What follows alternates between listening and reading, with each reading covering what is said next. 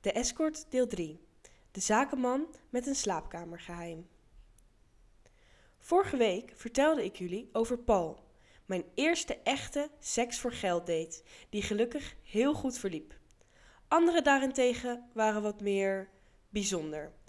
Zo werd ik door mijn baas Katie geboekt voor een man van halverwege de 60. Laten we hem voor het gemak Richard noemen. Gelukkig bereidde Katie me altijd voor op de wensen en verzoeken van de cliënten die mij boekten. Anders had ik me waarschijnlijk een stuk onzekerder gevoeld.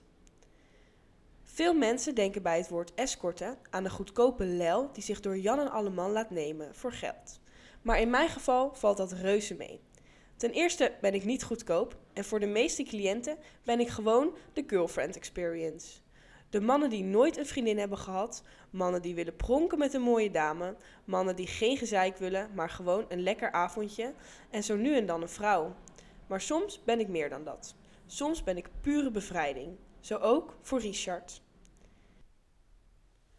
In het dagelijks leven was hij een strenge zakenman, die nooit eens uit zijn vel sprong. Altijd keurig op tijd was en dol leek te zijn op regels. Maar in het diepste geheim van de slaapkamer hield Richard ervan om zich in dure jurken, juwelen en hoge hakken te hijsen. Ik wachtte hem zoals afgesproken op in een van de luxe slaapkamers van het hotel. Toen hij binnenkwam en zijn aktentas op een stoel in de hoek liet vallen, slaakte hij een zucht van verlichting. Laat me je helpen, zei ik, terwijl ik zijn jas aannam en zijn stropdas losmaakte.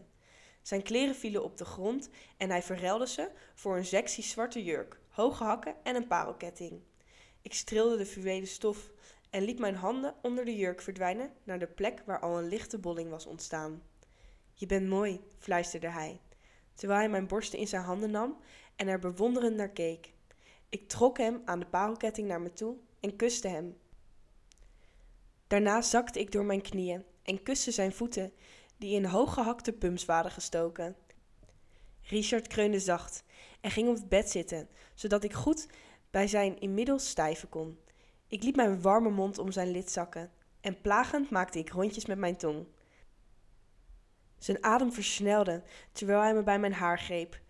Dit was het teken voor mij om het tempo op te voeren. Net voor hij klaar kwam, stopte ik en kroop ik op handen en knieën het bed op. Richard ging achter me staan, tilde het jurkje op en drong zonder aarzelen bij me naar binnen. Ik kreunde goedkeurend terwijl Richard zich met diepe stoten opwerkte naar een hoogtepunt. Met een diep gegom liet hij zich naar zijn laatste stoot vooroverzakken, half op het bed, half over mij. Dit was heerlijk, mompelde hij in mijn haar. Samen kropen we onder de dekens en terwijl hij mijn haar streelde, vertelde hij hoe opgewonden hij raakte van het gevoel van vrouwenkleding. Dat hij graag een man was, maar het gewoon lekker vond om vrouwenkleding aan te trekken en iemand dan eens een goede beurt te geven.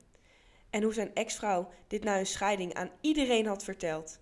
Hij praatte honderd uit, terwijl ik luisterde en af en toe een vraag stelde. Toen ik na een uur de hotelkamer achter me dicht deed en Katie een berichtje stuurde, wist ik dat Richard een vaste klant zou worden. En daar had ik gelijk in. Nieuwsgierig naar meer van mijn avonturen?